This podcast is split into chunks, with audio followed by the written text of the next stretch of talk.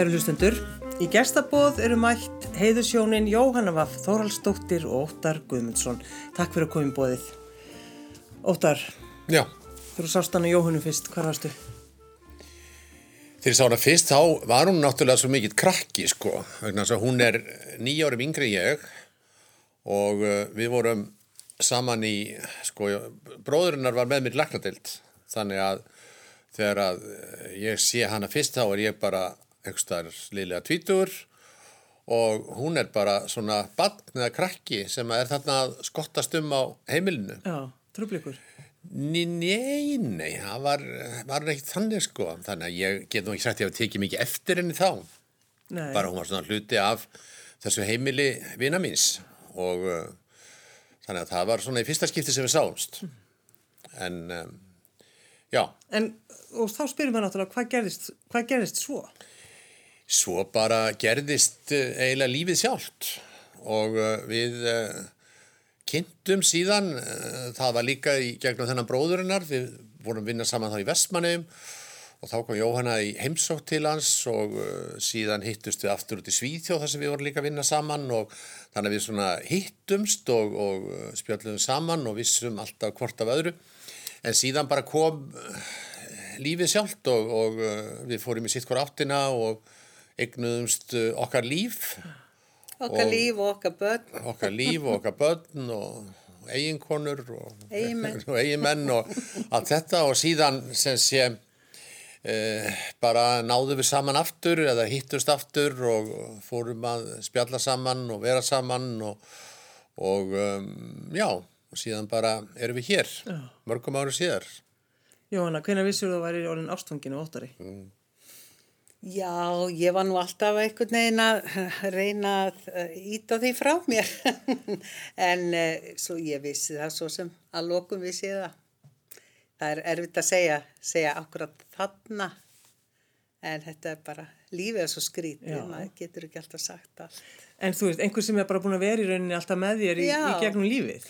Já, já, ég kynntist honum auðvitað í gegnum bróðum minn og, og vissi á honum og okkur kom óskaplega vel saman allt og gaman að tala saman og Já. svona er þetta. Hvað eigið þið mörg börn saman? Sex, þeir klessið þessu öllu í eina... sex börn, Við höfum sex börn sko, Já. en við höfum ekkert saman. Nei, nei, ég meina það bara Við fyrir sex svona- börn, ég og fjögur börn og ég og tvö börn, já, þannig að þetta er svona daldi flókið, flókin líf. já mjög flókið, og uh, öll þessi börn og svo eru komin náttúrulega Tengdabörn og barnabörn og, barnabörn og, og því einlít þannig að þetta er daldið svona flókið Já. þetta er ekki eins og uh, þessi dæmi gerðu sambönd sem fólk er alltaf að skrifa um á Facebook sko, þar sem að fólk kynnist í mentaskóla í síðasta bekka eða jafnvel í miðjum mentaskóla og náðu þá saman og eru núna að, að, að halda upp á gullbróköpi sitt og með öllum börnunum og barnabörnunum og allir sáttir og allir gladir við erum ekki þannig. Nei, Nei. þessi er ekki glöð. Jú, jú, við erum ágætlega glöð en, en við erum ekki í þessari stöðu sko, að, við, að byrta myndir hvort af öðru og segja sko, við erum með þessari konu er ég búin að eyða eða búin að eyða síðustu 53 árum.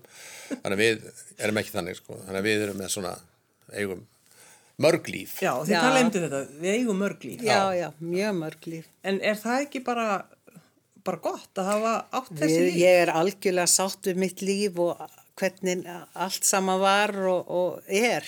Ég er það, ég er mjög sátt við þetta. Þetta er bara mjög fjölbreytilegt og skemmtilegt líf sem ég lifa. Já, já. En þegar að þið fara að draga ykkur saman, vakti það mikla aðtegli? Já, já, það vakti nú talsverða aðtikli og, og hérna og um, ég var nú ný skilin þá og svona, þetta vakti það aðtikli og, og um, já, það var það, það var, var það sko, en, en Það var síðan svona- bara gerðist, gerðist það og við fórum alltaf, vorum orðin bara uh, ákveðin staðreind og, um, og þá hætti nú fólk að tala um það svo mikið, allavega ekki okkar eyru. Nei, nei, við náttúrulega heyrum minnst á því. En, en mannstu eftir því samt, Jóhanna, að það var svona talað, talað mikið um ykkur og vaktið mikla ég, já, kannski aðeins tók maður eftir því og maður var náttúrulega átti stóran hópa fólki í kringu sig og auðvitað vissi maður það að sömu þóttu þetta og maður þurfti jú alveg að sömu leist illa á þetta og höfðu skoðanir og maður þurfti nú alveg bara að reynsa svolítið vinahópur en hann reynsast alltaf í svona. Já, einmitt. Sömu voru ekki ánæði með þetta og þá bara er það þannig En það er alltaf svolítið skemmtilegt einmitt þegar fólk getur bara einhvern veginn svona tekið svona afstöðu já. og þú veist, við erum að tala bara um ástina Já, og já, tala um að fólk verður ástfangið. já, einmitt Já, fólk náttúrulega telur sig, það er náttúrulega svo mikið af svona bestir vissurum í samfélaginu og, og, og náttúrulega er það, ég vil að það allir sem hafa skilið, þeir, þeir þekkja það mjög vel að það er, er alltaf verður ákveðin klopningur og það er alltaf mjög mikil sárindi og, Já. og það er, er sárindi í skildmennahópnum, í badnahópnum og það eru sárindi í vinahópnum. Svo þetta verður gríðarlega uppstokkun á lífinu að, að skilja og fara í nýtt samband. Það er, er mjög mikið svona uppstokkun sem að, sem að verður. Og um, hún er erfið, svo uppstokkun. Og, og hérna leiðileg oft á tíðum. Já, verður maður þá uh, að passa svolítið ástina?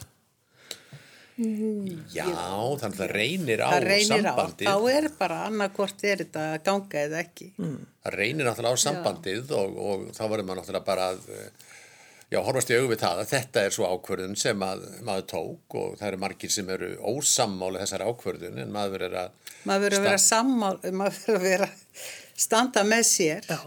Það er nú Er ekki alltaf að tala um að ég að hlusta hjarta sitt? Jú, Jú, jú, ég er nú svo oft búin að gera það og hjartað er nú búin að fara með mig út í móa sko, ég veit ekki hversu oft sko, ég er búin að hlusta á hjartað og fyllt því út í ófærugnar sko, þannig að ég er nú alveg sérfræðingur í því að, að, að hlaupa út í hjartanu, Já.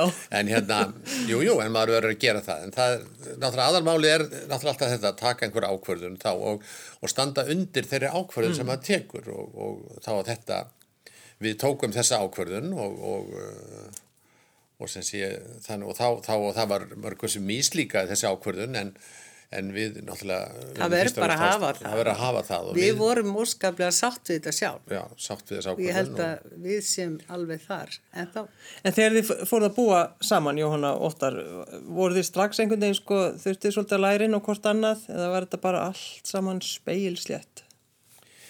Sko, ég myndi, ég, sko, Jóhann er alveg ótrúlega auðveld í sambúð og ég held að ég sé ofsalega auðveldu líka. Ég held að ég sé, ég held að ég sé alveg eitt auðveldasti, eitt auðveldasti maður að búa með í bara sem sögur fara. Þannig að, að þetta gekk mjög vel. Það, það voru mjög, mjög lítill núningur. Já. Þannig að, að ég held að sé bara vegna þess að við erum svo auðveld, bæði, sko. ja, sérstaklega þú Já, sérstaklega en ég. hérna, já, já, við erum nú ekki það er, hann er svolítið dramadrottning en það er nú bara skemmtilegt Já. Það er allavega aldrei leiðilegt hjá okkur Nei. og það, við höfum aldrei rifist neitt ég man ekki eftir því Nei, við erum aldrei vist. Ég þýs að fara í fílu og bara hætti að fara í fílu og hætti daginn eftir því ég myndi ekki út af hverju. Já, það var þannig. Þú fórst í fílu en svo bara daginn eftir var, Já, var ég búið. meina það er eitthvað svona sem að bara, Ég hef farið lengri fílu sko, ég held ég að farið mest í þryggja daga fílu. já, ég man Já, það var, en það var, svo bara var það búið sko. Svo er það búið. Hvað út af hverju var það? Æ, ég Hæ, man það ekki, það var einhver della sko. En var þetta er bara, var- æ, þetta er, það gengir óskup vel. Þetta gengið sko vel sko. Við erum bara, já, við rýfumst aldrei. Við rífumst aldrei sko. Ekki ennþá allavega. Við erum sammála um, við erum ekki sammála um allt en, en svona, látum þetta vera ekki spilla Alls fyrir ekki okkur nætursvefni eða, eða gleðinni sko, en, en við erum bara svona, þetta svona gengur, en þetta er náttúrulega, eins og ég segi, þetta er, Það er alls konar vandamál alls sem konar komu vandamál, upp þetta er og- fjölbreytilegt líf og mikið, náttúrulega mikið af fólki í kringum okkur og alls konar hlutir sem að maður reynir að leysa og stundu getur maður ekki og Nei. þetta er bara svona alls konar. Þegar þið bjóðið ykkar börnum í, í sundarsmatt, hvað er það margið við borðið? Já, þegar við bjóðum öllum þegar allir er á Íslandi þá hefur þetta verið 20, einn eða tveir, 23, 5, já, 23, já. Já. hvað svo leys. Hanslatti? Já, það er já. slatti sko, það er, Alveg tvö lambalæri? Já, já, allavega, eða þrjú. það er þrjú sko, það er það er alveg slatti sko. Það er alveg æðislega. En það hefur allt gengið bara vel og, og börnunum hefur komið ágætlega saman og ekki neinn svona... Þetta er náttúrulega allt fullorðið Þetta er allt fólk. fullorðið fólk í dag og þannig að það er engin veruleg dramatík í því sko. Nei. Það bara hefur allt saman blessast. Svo eini sem, sem er dramatískur, það er Það er náttúrulega óttar. já, Jóhann segir það, ég, Ég er náttúrulega kannast ekki við það að vera mikil dramadrottning sko, veist, ég er alveg, Ég er sko. allavega ekki dramadrottning, en ég er náttúrulega drottning. Já. Það er náttúrulega alveg mitt, sko.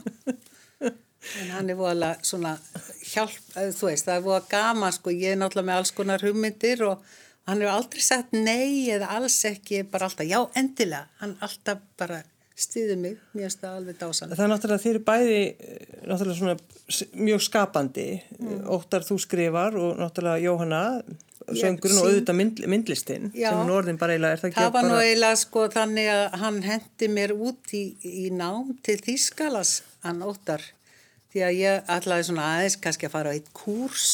Nei, nei, þá var ég bara komin í tveggjára nám hjá einum, einum góðum þýskum myndlistamanni sem heitir Markus Lupertz og er óskaplega skemmtilegur ekspressionisti og góður, góður kall sem að ég fór í nám til með því að fara fram og tilbaka svolítið og, og, hérna, og það var allt með fullum stuðningi. Þannig að þú vissir Óttar að þetta væri eitthvað sem hún vildi gera? Já, já, já, ég vissi Nei, það, ég- já, vissi ég vissi það ekki þá reyndar, en, Nei, en þetta ekki þegar við byrjuðum að vera saman, þá var það söngurinn sem að lék stærsta hlutverkið í þínu lífi. Já, og já. uh, þá var Jóhanna með þrjá eða fjóra kóra og var með stóra kórin sinn, slétt sér treykjaukur og svo voru með tvo eða þrjá barnakóra og ímislegt annað og, og ég gekk líka inn í það af líf og sál og, og mætti á alla tónleika hjá léttsveitinni og Klappaður hæst. Barnakóranum já, já, og- já, og já, já. fór líka á, fór í allar, Alla ferðir og barnamessur barnamessur og- og það sem að barnakórandi var að syngja þannig að, ég tók þátt í þess að lífa sál en svo allt í enn einhvern veginn kom að þessu að, að Jóhann einhvern veginn átti að sjá því að, að Já, allt í henni var þetta bara ágætt, þetta Var var, mjög skemmtilegt. Var langar bara að- aðeins að breyta til. að breyta til, gera eitthvað annað Svo var ég byrjuð í myndlistinni og, og allt í henni var farin, hún farin að taka meira og meira pláss og svo var ekki, er ekki hægt að vera sko í öllu, í einu. En va- varstu þið hissa á sjálfur þér einmitt að, að í rauninni bara hætta með alla Já, þessu kórið, þetta var bara lífið þið. Já, þetta var alveg lífið mitt. Já. Ég get alveg sagt það. Ég var gift kórnum sko áður en ég giftist honum. Þannig að þetta var mjög skrítið sko að skipta svona algjörlega um svið. En það er bara, það er bara, maður þarf bara að gera þetta.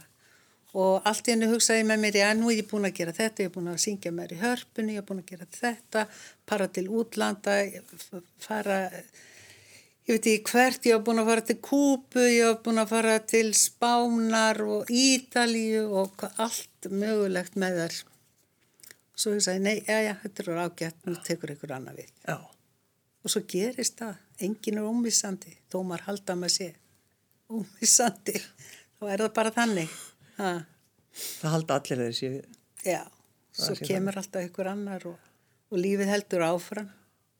Og hvað óttu, varst þú þá heima og, og hún fór til Þýskalands og vann og komst þú tilbaka? Eða hvernig, hvernig var þetta hjá okkur?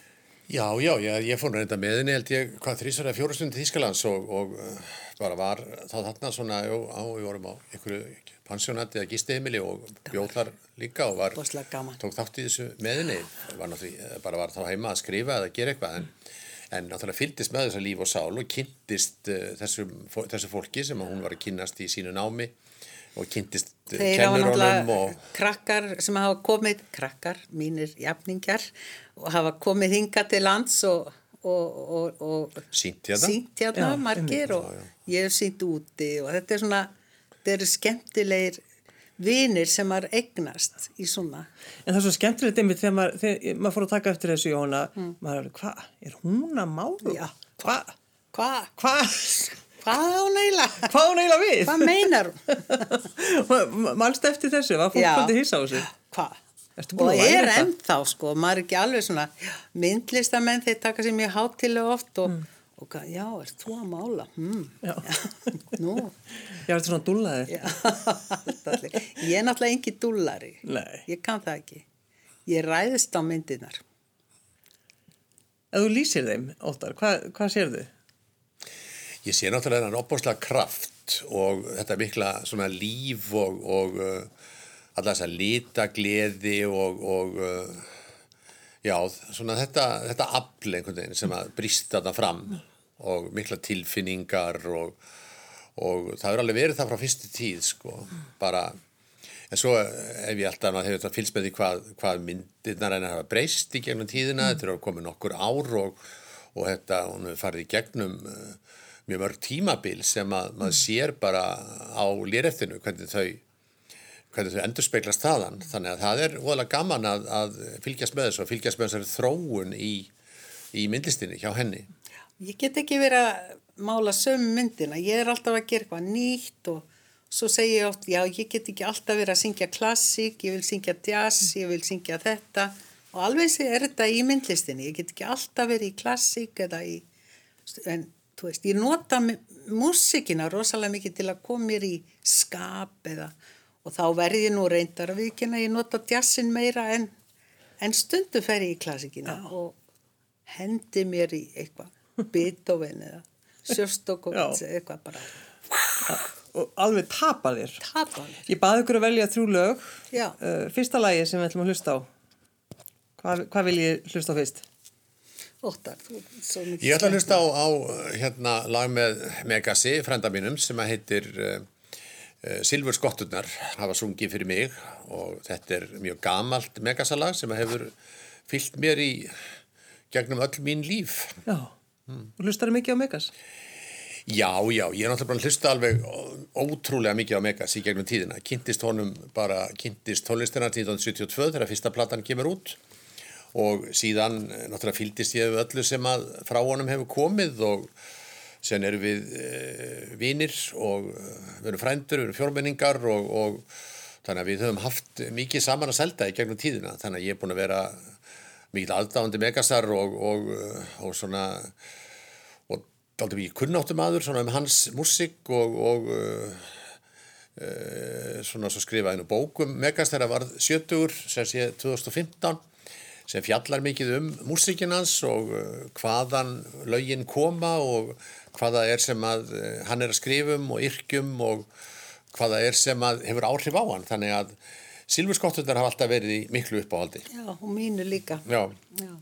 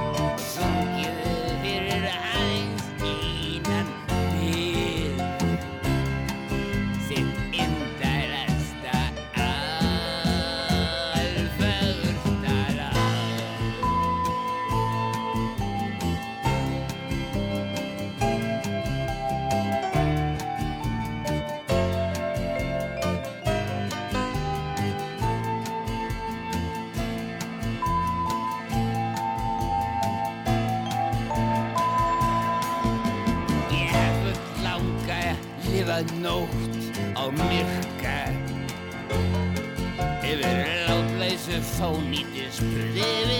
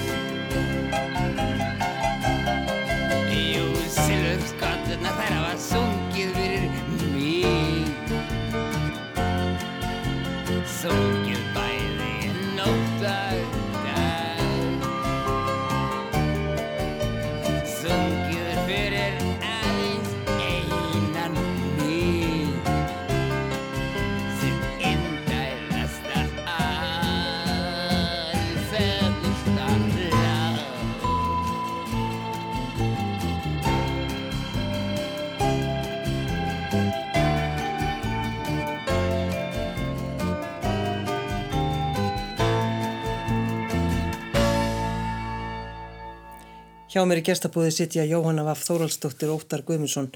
Jóhanna, ferður stundum uh, til Óttars uh, sko sem uh, geðlæknis? Við erum farin til hans.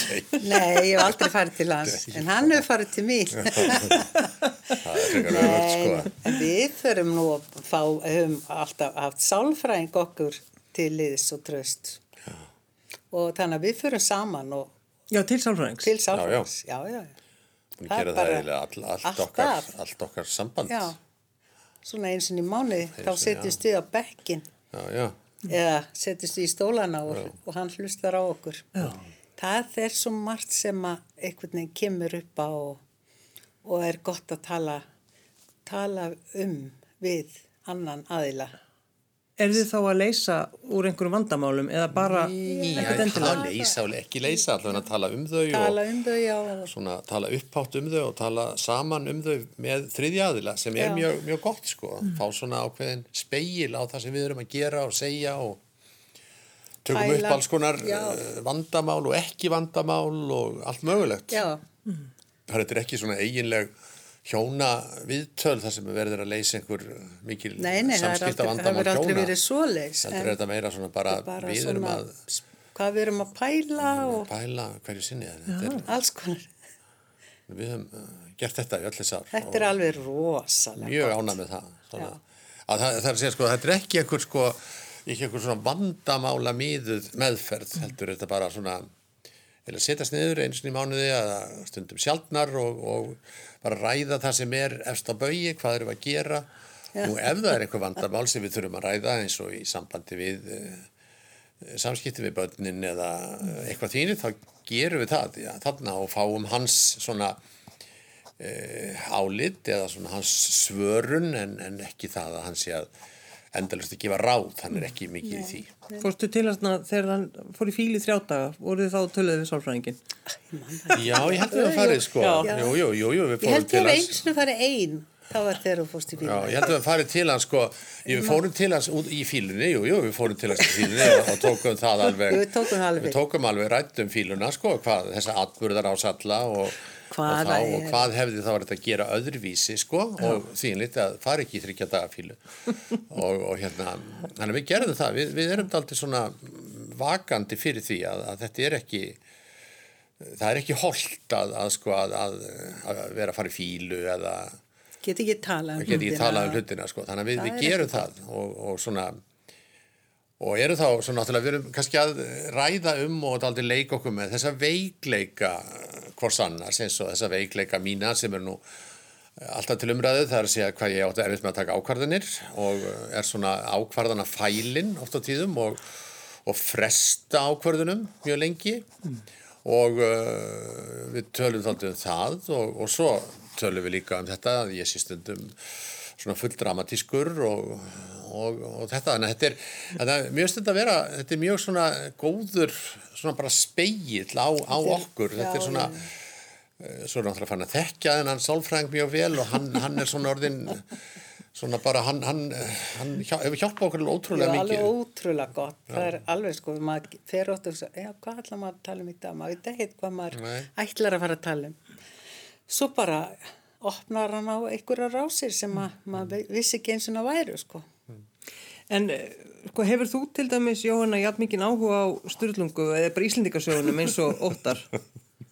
Og er þetta að vera giftu manni sem hefur svona eða áhuga á Ég þessu? verð að segja að þetta, hann hefur náttúrulega opnað hérna, nokkra bækur fyrir mig og mér finnst þetta ótrúlega gaman og þetta er skemmtilega pælingar og ég er alveg fullur þáttakandi í þessu og hann er segja hvað hva heldur að hún hefði gert þessi kona sko og eða þessi maður, hvernig heldur að hann hefði og þú veist, maður er að pæla í ótrúlegastu hlutum sko og þetta, þetta er svo skemmtilegt Ef að, þú veist, ef manna hefði verið kent þetta svona, hugsa ég oft, sko. Já, það finnst þér alveg rétt. Það, einhvern veginn, þetta er svo skemmtilegt að lesa þetta og svo var ég svo hissa, ég var, hann var búin að vera að skrifa þessa bók hansi lengi og svo fóruð til Holmavíkur eina helgi og, og ég las þetta yfir, sko, og ég var svo hissa hvað þetta var skemmtilegt.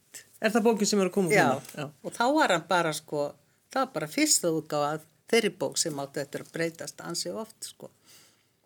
En sko þessi áhugiðin, þetta er náttúrulega, Já, hann er náttúrulega svona, ég ætlaði að segja bílun, ég ætla ekki að gera það. nei, nei, þetta er ekki bílun, þetta er bara rosalega Nei, þetta er svona, ég er búin að, skemmtilegt. sko. náttúrulega búin að vera að, að sko lesa, ég er náttúrulega búin að vera áhuga maður um íslingasögur í mjög lengi alveg frá því ég var strákur og síðan hef ég svona, eftir ég fór að skrifa bækur, þá hef ég notað mikið íslendingasögur, fer svona mikið í smiðju þangað til þess að ná í ákveðin dæmi og síðan er þetta sem sé, þessi bók sem er að koma út núna í næstu viku sem heitir uh, Sturlunga gæðlagsins þetta er sem sé þriðja bókin sem ég skrifa eiginlega um sko geðraskanir og geðræn vandamál í þessum fornu bókum, þessum mm. miðaldabókum, það er að segja í, í hérna, Íslendingasögum og núna í Sturlungu. Og uh, það er náttúrulega sem ég segi, sko, Jóhann hefur hjálpað mér alveg ótrúlega mikið og oft á tíðin þá leitaði til hennar og segi alltaf, sko, vilt ekki lána mér aðeins kvenlegt innsægi, sko, að, nú þurfum við að taka þetta aðeins út frá einhverjum öðrum, ekki svona þessa, þessa kallmiðuðu afstöðu eins og ég er með og Sturla Þórðarsson sem skrifaði þessa bók er með líka, sko, þannig að það Jóhann er svona aðeins til að líta á þetta sem líta á þessar konur svona sem jafningja sína og hvað hvernig myndir þú bregðast við ef að kallinn þinn myndi haga sér svona? Eins og uh, Þorvaldur Vassfyrringur gerir eða Sturla Sigvardsson eða Gísur Þorvaldsson eða hver sem er í þessum bókum. Að og síðan náttúrulega í sumar sumari var eiginlega þessi þetta COVID-sumar, það var eiginlega það sem við gerðum mest í sumar. Það var við vorum alltaf að sko keira á styrlungu slóðir.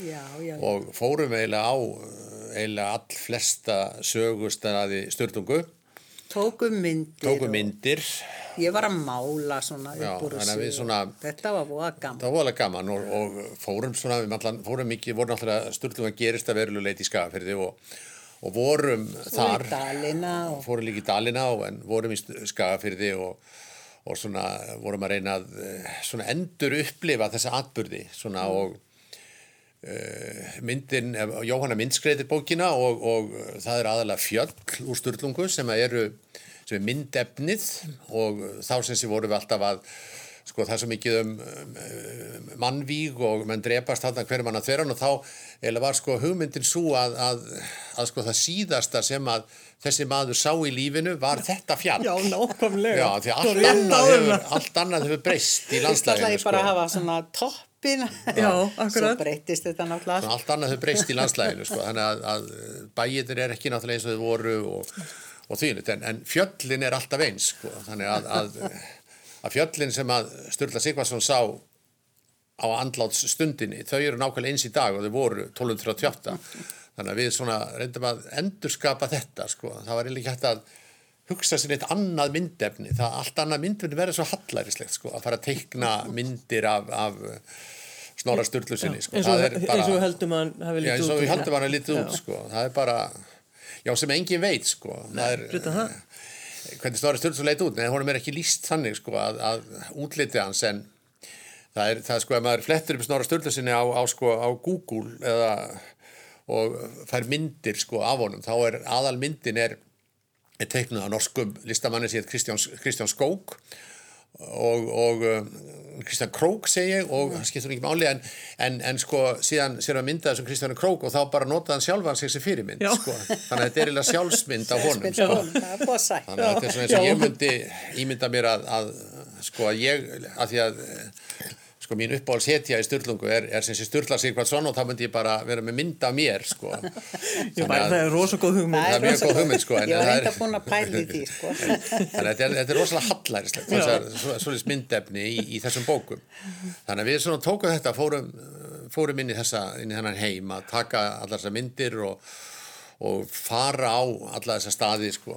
En það Fórum- er eitthvað þegar maður fer á þessa staði, það, það, það er einhverja tilfinningar sem það bærast innan það er mikið í loftinu þarna sko, eins og að fara á örlík staði sko. Það maður er, sér landið einhvern veginn allt öðru sér þegar maður fer að fara í svona störlungaferðir og sér þetta fyrir sig gerast þarna og þetta var svona og þetta, það breytir alveg landslæðinu einhvern veginn finnst mér Og er það að vinna saman í fyrsta skipti í svo- svona? eins og- Nei, Jón hefur myndskreitt uh, eiginlega mjög margar, hún hefur myndskreitt eða, eða sko séðum umbrótið á, á eiginlega flestu minna bóka síðan við byrjuðum að vera saman. Þannig að við höfum alltaf, eða öllum mínum bókum og fyrsta bókin sem við sem kom út eftir að við fórum að vera saman það var sem sé Kleppur í hundrað ár Já, og þá uh, vann sem sé Jóhanna eiginlega að umbrótinu og hjálpaði mikið með það þannig að við höfum alltaf unnið saman með þessa bækur og, og ég, ég var átti nú að sko lesi umbrótsmaður í að Já, varstu taka það? fram. Já, Já. á tímanum það. og ég les allan minn texta fyrir hana og, og þannig að þetta er svona ákveðin samvinna sko, og svona hún er mjög segir mér alveg að henni finnst það einhver ofaukið eða eitthvað hallærislegt Þannig að þú treystir henni 100%. já, já, já, já sjálfsögðu sko ég, eh, ég svona er að leita ráða og þá fer ég vel eftir því sem er ráðlað sko, en, en alveg í þessu tilvíkja annars er hún ekki, ekki dvoðalega ráðþægin sko. en, en eh, við, við svona vinnum þetta þannig saman og, en þessi bók er þessi um, um þennan tíma og ég er svona að fara í gegnum þessa, þetta, þessa borgarstyrjöld sem var á Íslandi með í allir sinni grimd og ógeði og er svona að reyna að skiknast aðeins á bak við tjöldin og og svona skiknast inn í hugarfar þessara manna sem voru þarna helstu, helstu persónunar. Og, og að reyna að skilja atbyrðarásinu eða Ég reyna að skilgreina, já, reyna að skilgreina kannski hugarfar þessara manna og, og skýra atbyrðarásina út frá því svona að, að Hvað var að hvað gerast var að gerast í kollinum á þeim og hvernig var, eh, hvað er það sem skýrir þessa miklu grimd og, og þetta miskunaleysi og, og öll þessi frændvík því að störlunga einkennist að því að, að em, allar helstu hetjunar eru, þetta er allt sem að ná frændur, þetta eru sískina sínir og bræðra sínir og, og þínu, þannig að þetta eru sko þetta eru náfrændur sem eru að murka lífið hverjur öðrum og, og hvernig stendur á því? Því að það er í andstöðu við bæði Guðs og manna lög sko, þannig að Guðs lög eru mjög mótfallin frændvígum eins og sagan um Kain og Abel og, og fleiri sko. Og síðan mannana lög líka þannig að þetta er allt saman þannig að menn er að brjóta gegn eða svona mjög viðurkendum siðferðslögmálum og ég er að velta þessu mikið fyrir mér í þessari bók. Hvernig stendur á því að, að þetta gerist? Eru þið alltaf saman? Nei, aldrei. Jú, við erum alltaf saman meira og Nei, minna, sko, er ég, er náttúrulega enn að farið í er að vinnunni. Þó ég er sé að orðin, gaufast. þó ég sé orðin þetta fullorðin, þá er ég nú enn að gaufast bæðinir á spítala og svo er ég uh, með stofuræfil sem ég rek og, og, og svo er ég með einhverjar, einhverjar fleiri sporslur þannig að ég er nú talsvert að heiman í, og svo er ég á var um tíma formaður í tveim félögum þannig að þetta er svona þetta er svona við, þetta er, er ansi mikið að gera Já, hjá okkur í fríum þá reynum við nú að í fara við saman og alltaf saman. förum saman út sko, Já. skemmt okkur. Hmm, við erum ekki mikið svona sitt hverju lægi nei við gerum það aldrei fyrir aldrei í sitt hvort lagi neitt, nema að sé saumaklúpur eða, eða lesringur eða eitthvað svona skemmtilegt Já. sem að kallar mig ekki mæta á. Hvernig var, uh, já, áður en við skulum fá eitt lag viðbót, svo til að spyrja ykkur aðeins út í brúköpið ykkar. Um, hvaða lag vil ég næst? Ég er ekki bara að manni endist ekki æfinn. Já, það er, þú syngur það ekki? Ég syng það sjálf, samtið lagið við texta Þorvalda Þorsteinssonar sem er, var mikill vinur okkar og hafði áhrif á okkur. Skulum leggja við hlustir.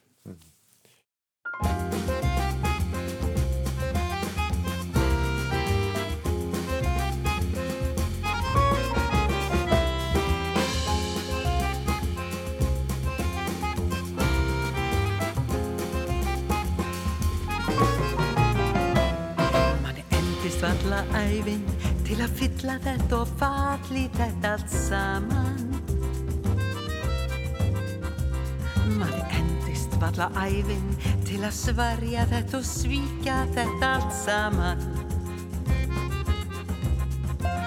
Manni endist valla æfin til að finna þetta allt sem fæstir sakna. Manni endist valla æfin til að vakna.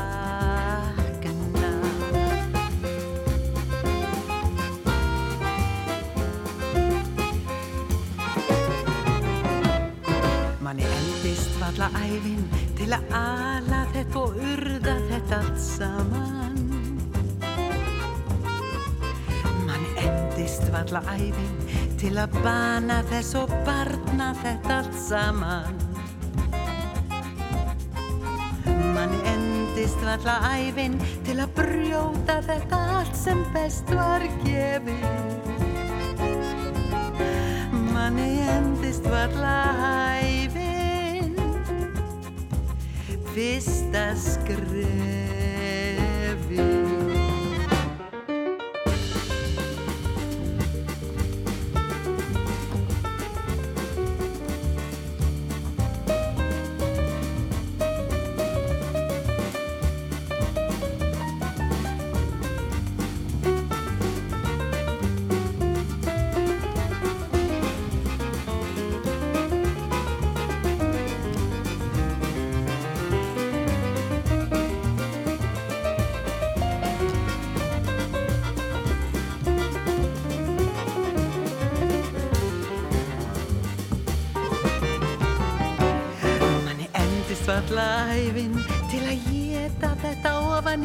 Allt saman. Manni endist valla æfin til að svelgja þetta og sofur sér allt saman. Manni endist valla æfin til að þegjum þetta allt sem þurft að segja. Manni endist valla æfin til að deyja,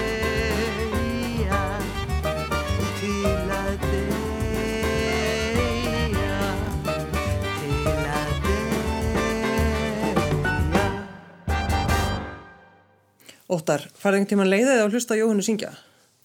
Nei, nei, nei, nei, nei, en það er ekki þar með að ég sé alltaf að spila músíkina hennar. Ha, ertu aldrei að spila þess? Jú, jú, öðru koru, en ekki, ekki þannig að ég sé alltaf með músíkina hennar í erónum, sko, en, en, en hérna, mér finnst hún frábær sönguna og ofsalega gaman að, að hlusta á það sem hún syngur og var voðalega gaman hérna áður fyrir að fara á tónleika þar sem að hún tók uh, oft sóló og með kórnum og svona, þetta var rosalega gaman, ég var mjög stoltur af henni og gaman að því þegar hún er að syngja og náttúrulega við hefur oft sungið í svona veistlum sem við erum að halda og Við móttum vera með svona prógram saman líka, það sem ég syng og hann talar. Er það? Já, já.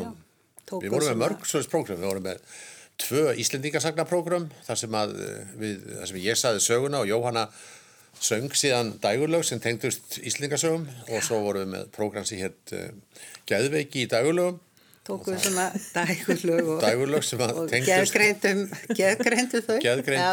Já, Geðveiki og dag. vorum alveg heila hljómsveit með okkur og Jóhanna söng og, og hérna og ég var með textan og svo og Megas uh, höfum við tekið svo við líka. tekið Megasa program og svo hefur við bara oft verið með svona stýttri prógram á, á svona, á, svona. á svona Ásatíðum. uppákomum og, og sérstaklega kannski ef við höfum verið með eh, einhverjar eh, svona einhver málþing að þá átt krydda þau með, með svona tónlist að hafa einhverja svona hafa svona einhvert einslag með, með tónlist og, og einhverju tali já. þannig að við erum búin að gera það og Já, já. þannig ég er volið gaman að þessu Já. Ég, Mér langar Þetta svo að, skemmtilegt. mér langar svo að vita hvernig giftingin var hjá okkur. Hvað, hvor bað, hvor byrjaði? já, Óttar fórst á skelljarnar. Nei, nei, nei, nei. Þetta var, þetta sko, þetta var mjög sérstök. já, þetta var sérstætt brúðkaup en sko, en, en, en sko, ég held, sko, ég er náttúrulega að vinna alltaf samkvæmt því allt, allt í lífinu er ferli, sko. Það, það er, er búið að lítið af svona skyndi ákvörðunum sem að stjórna lífi fólks. Þetta er allt saman, þetta er ákveðið ferli, sko. Þannig að við byrjum að vera saman og og þá er, er það eiginlega svona bara gefur auga leið að við munum gift okkur fyrr en síðar einfallega vegna þess að okkar bara okkar tengslanett er svo flókið að það var bara mjög praktíst að við giftum okkur en líka var það einhvern veginn sko að við það er svona ákveðin staðfesting á því sem við erum að gera og, eh, og eh, ákveðin svona bæði staðfesting og, og staðhæfing og að þetta er bara það sem við erum að gera og við stöndum og föllum með þessari ákvörðun. Þannig að þetta er mikið svona að, að eh, setja punktin yfir íð þannig að það var eiginlega við bara vorum bara í þessu ferli og svo bara allt í einu mann ekki, bara allt í einu vorum búin að ákveða að gifta okkur. Allt í einu kom svona já, bara, tækifæri til að gifta sig. Og þá bara gripum við það. Og við hérna sé, við, ég, við vorum að fara til Berlínar. Ég var að gæta þá eða var að leiðsegja í Berlín. Og Jóhann fór með mér og við ætlum að fara sé út á flugvöld eða vélum fólk hlan fjögur eða fimm og, og það bara ákvaða við gift okkur um morgunin þennan förstas morgun og letum enga vita og fórum bara við tvö einn í Strandakirkju og um, hittum þar sem sé prestinn og, og sem sé það voru engir í þessu brúðköpi nema við og presturinn Og kirkjuvörður. og kirkjuvörðurinn svo bara þessu loknu þá þá sem sé kyrðum við bara til Reykjavíkur og, og settum búin í töskunnar og fórum síðan til Bellinar kl. 5 Fórum fyrst aðeins til Já, þau vita. Letum þau vita og gáðum þeim blómvöndin. Við höfum nú keft blómvönd. Já. Og ég var í í hvítu pilsi og svona. Svo bara skiptum við um född og fórum út á flugvöll og, og letum enga vita sko í þessari ferð að við hefum gift okkur um morgunin þannig að við vorum bara, Við vorum svona laumu. við Ég vorum meina- svona laumu brúðköp, algjört. Og bara töluðu ekkit um þetta, ekki við, Nei. ekki, hvort annað, ekkert við Jú, töluðum, við saman en, en við sögðum til þess ekki börnunum okkar frá þessu eða, eða neinum öðrum, við fórum Fyrir en bara eftir á. við sögum þennan sögðum, dag. sögðum bara tveimur vinum okkar frá þessu sem voru vittni og síðan bara fórum við og gerum þetta og svo, svo bara var það Svo heldum við veislu, þetta var í apríl, svo heldum við veisluna í ágúst. Á höfuðdaginn. Á höfudaginn, 29. ágúst. Já, Þannig að við, þetta var svona bara mjög, þetta var svona bara ákveðin þróun að það var eiginlega, var eiginlega alveg bæði við, lit, eða, við litum svo á bæði, þetta var eiginlega sko nöðsilegt að, að, og bara eitthvað sem við erum að gera og sem við vildum gera, vildum sem fá þessa bara staðfestingu á því sem við, að við varum að búa saman og við værum eitt og værum hjón og, og um, svo ákvaðum við að gera þetta í kirkju, það var þetta hátilegt og, og hérna Og lengja vel að Og kirkjuna, lengja fór vel í að kirkjuna. marga ferðir. Já, fórum, daldi, fórum í allar helstu kirkjur hérna á, í nákvæmni keflaðugur því að það varð að vera, já, stutt auðvitað. Já. Ég ætlaði að mynda að spyrja, akkur er strandakirkja? já, að því að þú var svo, hún er svo nálægt reykja, sko, við höfum svo, svo mikið helgi sem er bundin strandakirkju, sko, hún er heilög kirkja. er Svo, já, það var eitthvað spes. En Svo fórum við allar þessar kirkjur á Suðunessjum, útskalakirkju og, og fleiri kirkjur þar. Og, Svona mátt ykkur. Já, Já, mátt já. okkur í þar og, og kirkjuna í höfnunum og, og svona við fórum þannig á þetta svæði og, og svo bara ákvaðum við þetta og tölum við prestin sem að var þá gamall kunningi okkar begja og, og, Já, já. og þannig að þetta var afskaplega hátilegt. hátilegt og skemmtilegt. Hátilegt og skemmtilegt en, en mjög er, ég held að það sé mjög óverlegt að það sé engin í kirkjunni. Sko, Mamma nema- var voða glöð og pappi. Það var mjög skemmtilegt að koma til þeirra. Og var, var þetta romantíst? Alveg romantísk sko. Við gretum bara þarna við Já, já, alltaf. já, já. Það var mjög romantísk sko. Við vorum alveg á því að hafa þetta svona og, og, vorum við bæði á því að dyrði svona, við myndum bara gera þetta tvö ein, þetta væri fyrst og fremst okkar aðtöfn og, og eiginlega ætti að vera mjög svona bara, já, prívat og, og það varð svona mjög, það var svona, svona ótrúlega ótrúlega prívat það var enginn sem já. vissi neitt af Það var svolítið skrítið svona, eh, hugsaði ég eftir að ég var ekkit lag Já, ég ætlaði einmitt. Það var engin- engin Nei, tónlist. engin tónlist. engin tónlist Ég var að hugsa, já, það er mjög spes.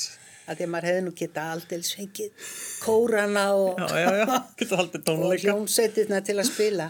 Sér að Baldur Kristjánsson sem gá- gáði saman, hann, hann, þessi, hann, hann hérna, las upp úr mjög uh, svona gömlu bænakveri sem var mjög gammalt frá, svona frá ofanveri 19. öld og uh, mjög svona skemmtilegu texti, mjög tyrfinn og, og uh, Óskiljanlegur. já, eiginlega Það var óskiljanlegur mjög- en mjög svona bara góður þannig Já. Mjög góður. Þetta skipt ekki maður að þið voru hvað sem er volandi bæði, já, þannig Já, að er já, yndislegt. svona hálfgrátandi sko. Þetta var, Það var gekk ágætlega, þetta var sett Já, það er fallegt. Eh, Jóhanna, sko þegar að Óttar skrifar uh, bakþanga, þá, þá bendur þú nú oft á það á, á Facebook Já, já, ég dreifi þessu. og þú dreifir þessu.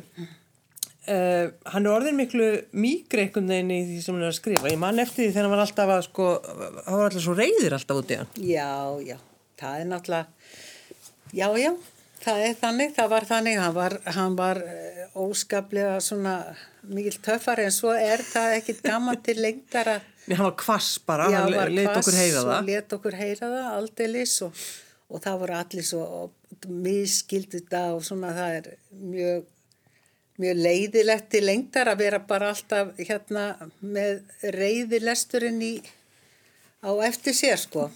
Þannig að hann er bara mýkist eins og menn gera. Hann er náttúrulega svo mjúkur sjálfur. Þetta er náttúrulega, sko, allt hefur sinn, sinn tíma, þannig að allt náttúrulega þetta er í tímabilum, þannig að þessir bakþankar sem ég skrifa núna eru talsveit öðruvísi heldur en þeir sem ég skrifa fyrir árið síðan og hvort sem ég sem er breyst eða bara minn stíl eða samfélagið breyst eða hvað sem er, en, en, en auðvitað verður maður alltaf að breytum stíl, maður getur ekki sko skrifað sömu bakþankana, það verður alltaf að tala um aumingja vikunar sko, bara viku eftir viku, það bara, þá verða allir leiðir á því, þannig að maður verður líka að geta, geta breyst, Já, breyst fólk sér. tóku tóku sig oft svo persónulega. Já, mjög persónlega, Já, sko. mjög persónulega, mjög hátilega. Já, og urðu margir mjög reyðir yfir þessu og, og, og þetta, þessari aumingjavæðingu sem ég talaði mikið um og, og þessari áfallavæðingu og öllu þessu sem er að sjúkdómavæðingu sem að gengur í samfélaginu. En, en auðvitað er ekki hægt að halda endalust áfram. Það, það er ekki hægt að sko, maður staðnar svo fljótt í einhverjum hjólförum og, og bara er þar. Og það er ekkert voðalega gaman að gera Þetta er það. bara eins og í lífinu, sko, ef maður er alltaf einhvern veginn að, að syngja sama lagi, sko, það Mm. er ekkit gaman. Nú er hann svolítið farin að, að uh, sko, skrifa um, í rauninni, já, þú ert farin að skrifa bara um ykkur svolítið. Já, Svona eitthvað aðeins. Það er Svona aðeins talsett orðið á síkasti persónlega, sko já.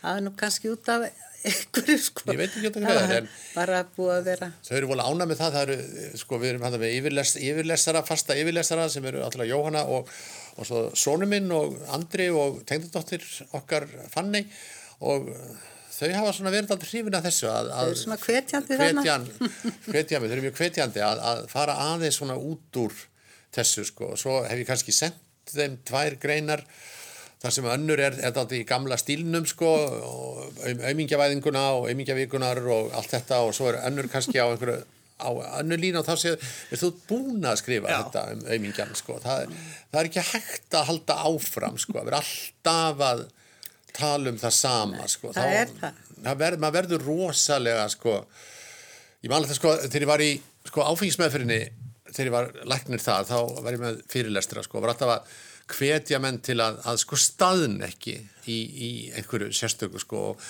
og tala alltaf um sko hérna hetju æskuminnar sem var Erik Burton sem var söngværin í The Animals.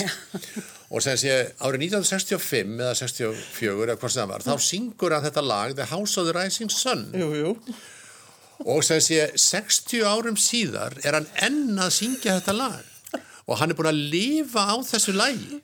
Og það er ekkert annað sem liggur eftir þennan mann nema það að syngja The House of the Rising Sun sko, og það er bara hans, og maður segir, býtu, Erik, hvað hva er, hvað er, við hvað er að vinna núna? Ég er að syngja Rises Sun, ég býtu, varst ekki að því líka fyrir 20 árum? Ég búin að því, er maður ekki eftir að búin Ok, að því. ertu ekki að verða búin að syngja þetta lag, Erik? Nei, það er sko, skilur, þannig að, og, og þetta var alltaf svona bara, sko, einhver ægilega svona skelvileg framtíð, sko, að, að staðna svona, verða bara eldri og eldri og ég sá, Já, já, þú sá, var sá, nú sá, samt sá, örglega eftir að staðna sko með Já, styrnunga, Já, ég undur bara að hafa hægan mjög en þú.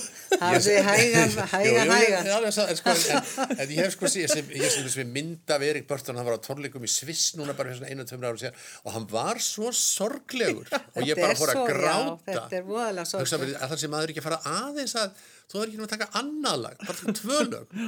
En sko en auðvitað er þetta já já kannski verði ég svo leiðis að, að sko verði svona fjásum styrlungu bara í ellinni og allir á þetta hundleiðir Já, bara til yfir líkur. Já, bara hann rifið líkur sko en, en, en, en meðan maður er tilbúin að gera eitthvað nýtt þá, þá staðna maður ekki sko og eins og Jóhanna gerði með því að fara yfir í málverkið og eins og ég er að reyna að gera vera taldið að kannski að þessi bók er allt öðruvísi heldur en hinnabækurnar þó að andin sé henn sami þetta er alveg, allt, þetta er alveg nýjar pælingar nýjar, ný hugsun þannig að þannig að ég held að það sé nú líkillin að því að, að reyna einhvern veginn að, að, að eh, svona halda hugsunni skýri að, að vera alltaf tilbúin að endurnýja sig, tilbúin að prófa eitthvað nýtt. Er það ekki líka bara í hjónubandinu? Stað, Jú. Staðan ekki? Við erum ekki að staðna. Ha? Ekki, ekki. Ég ætla að vona ekki. Nei, við erum Nei, nei, alltaf... það er, það, er alltaf, að- það er alltaf eitthvað að gerast. Ég, ég stundum bara, finnst mér það alveg ótrúlega gaman og það er aldrei svona leiðilegt hjá okkur. Meiri sig í COVID, sko. Þó að sé leiðilegt í sjónvarpinu. Þá erum við að finna eitthvað annað að gera. Saman. finnum okkur oft svona, svona luxusvandamál til þess að velta okkur upp úr sko, hvort við erum að kaupa okkur nýjan bíl og skiptum bíl og svo verður það endalist og þá takast, tökustu á um það sem ég get ekki tekið Hann ákvarðanir getur sko. ekki tekið ákvarðanir. og Jóhanna vill ekki taka Ég ákvarðanir er hægt að taka ákvarðanir fyrir það, sko. Já, svo vil hún ekki taka ákvarðanir fyrir mig sem því við kaupum aldrei bíl sko. þannig að við erum bara við erum alveg sérfræðingar í að skoða bíla sko. Þetta er frábæra dans. Já, þetta er svona Það er svo- það er svona þegar við komum inn á bílasölu þá segir, já, það verður þessi komin. Já, Þetta eru þeir sem að skoða, kaupa aldrei neitt, Já. spurja, já, svona, já, og spurja alltaf endalaust um eitthvað, sko, en, en þau get ekki tekið ákvarðanir, sko. Og maður, þau, þetta er alveg, þetta er skrítið, þegar við komum inn á ákveðin bílasalæti í bænum og við komum þar inn að, að sko, að ákveðslumennir eða sjálfumennir, þeir, þeir líta hvora á annan, sko, og bara, hver allar að tala við þau núna, sko. Þetta er, þetta er ofsalega sorglegt, sko, ekki ég. já. Þannig að við erum bara, Svona er þetta. Svona er þetta. Þetta er líf. Þetta líf, ég Já. veit það. En Þetta, þarna hefur við fundið svona eitthvað sko, þannig að við, þe- þetta finnst okkur gaman og Já, já, já, kom bílasölu. eitthvað bílasölur og svona Hvað maður gera? Okkur til skemmtunar. Já, hvað getur við gert okkur til skemmtuna? Eða fara störtlingaslóðir eða eða fara bílasölu. Já, ég heyri það, þið lifið mjög Já, spennandi þetta er lífi. rosalega spennandi líf.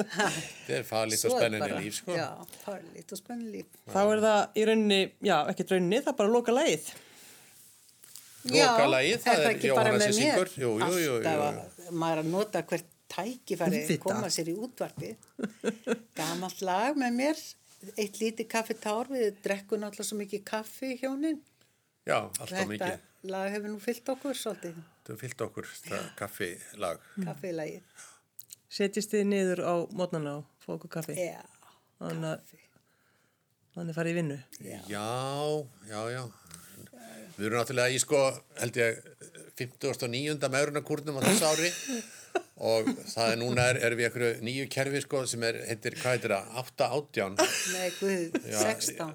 16 átján, 16. 16 átján. Nei, býtu. Ég man nú ekki lengur hvort þetta er sko, þannig, að, þannig að við hefum ekki að borða nema einhverjum 8 klukkustunda kabla frá klukkan 12 til 6 og þess utan eigum við að fastan en við hefum drekka kaffi sko, þannig að mótnandir er ekki lengur en skemmtilegur voru þegar við röðum í okkur hérna, ristuðu Já. brauði með sultu Ó, en nú er þetta bara, sitjum við sko og drekkum kaffi að því að við erum á 8-16 kúrnum og hann er, já ég held að þetta sé já, já. 59. með öðruna kúrinu á þessu ári sko. Alltaf það eigum við aldrei sammeilegt að vera vera alltaf í einhverjum svona, já, reyna að grenna okkur, sko. Það, Mér finnst það- þetta frábær lokaorð. Við sendum þetta út í, út í daginn. finnst svo gott að borða. það Það er er svo svo mikið matfólk líka. Þá skulum Ah. við hlusta á, á lokalægið Jóhanna Vaff Þórólsdóttir og Óttar Guðmundsson hafa gott að fá okkur. Þú byrtist ætið seint um kvöld að hausti í sömu mynd og rökkvast dagsins mynd. Faðmur þinn og flauelsmjúkar hendur finna leiðað innstu hjartans lind. Eitt lítið kaffitár Teigarðu hljóður Súra svip Þú hásum rómi baðst meir Á þínu valdi er, fyrir litning þín er hér, þó að þú sért fjær. Mill okkar ekkert er, andvarpaðir þú og hvattir mig. Eitt lítið kaffitár úr ástarvana bolla. Þú gafst mér enga von Allt er áttum við er afstæðið Ég horfi í augu þín sem ekki skilja mín Ég leysist upp án þín ekki fara elskan, ekki strax Být augnablík Ég hýta ef þú vilt eitt lítið kaffitár.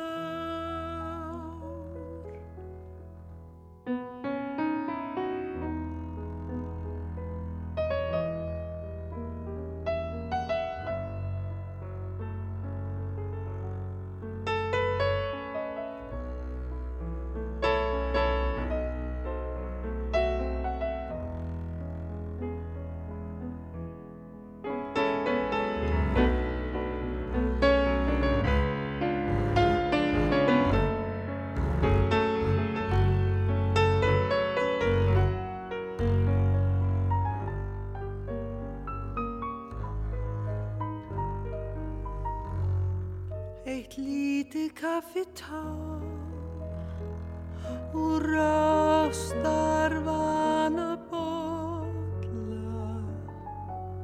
Þú gafst mér enga von, allt er áttum við er afstæðið. Ég horfi í augum þín sem ekki skilja mín, ég leysist upp á þín, ekki far elskan ekki strax. Být augnablik, ég hýta ef þú vilt, eitt lítið kaffitár.